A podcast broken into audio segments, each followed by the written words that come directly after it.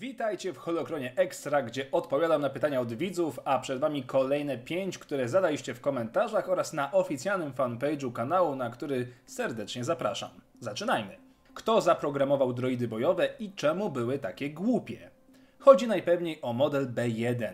Droidy nie były może głupie w dosłownym tego słowa znaczeniu, ale miały bardzo ograniczone oprogramowanie, głównie dlatego, że nie były tego warte. Ich zadaniem nigdy nie było pokonanie wroga swoimi wątpliwymi umiejętnościami bojowymi, ale zmasowanym atakiem w liczebności znacznie przekraczającej możliwości oponenta.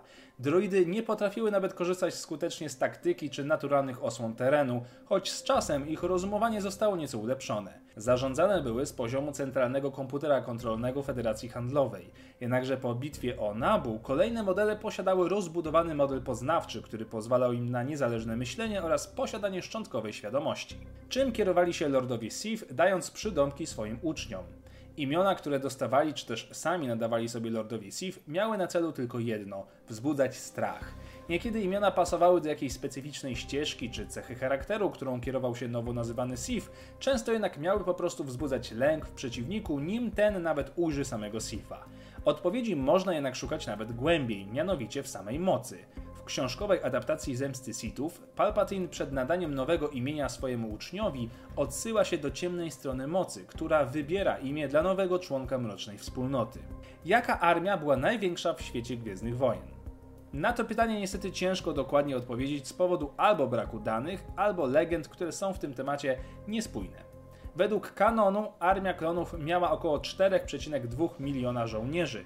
Armia Federacji, według słów samego hrabiego Duku, przewyższała liczebnością klony 1 do 100, co daje liczbę około 400 milionów droidów.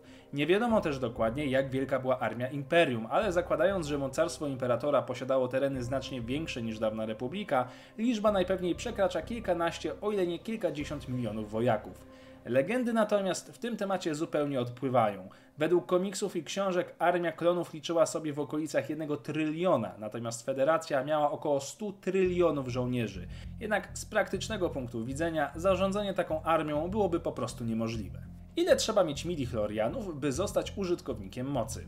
Generalnie nie ma jakiejś oddolnej granicy, ale jeżeli spojrzeć na listę bohaterów i ich wartości w midi-chlorianach, wynika, iż przeciętny człowiek ma ich około 2500 jednostek, natomiast pierwsi użytkownicy mocy od około 500 tysięcy jednostek wzwyż. Czy Darth Sidious kiedykolwiek kogoś kochał?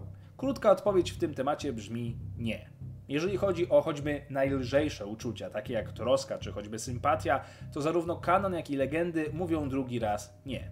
Ale tutaj pojawia się pewien zgryz, gdyż Ian McDermott, aktor, który wcielał się w postać Imperatora, w dodatkach specjalnych na DVD do filmu Zemsta Sithów twierdzi, iż jego postać podczas ratowania doszczętnie spalonego Anakina wykazuje marne, ale jednak ilości troski i chęci opieki nad swoim niemalże przybranym synem.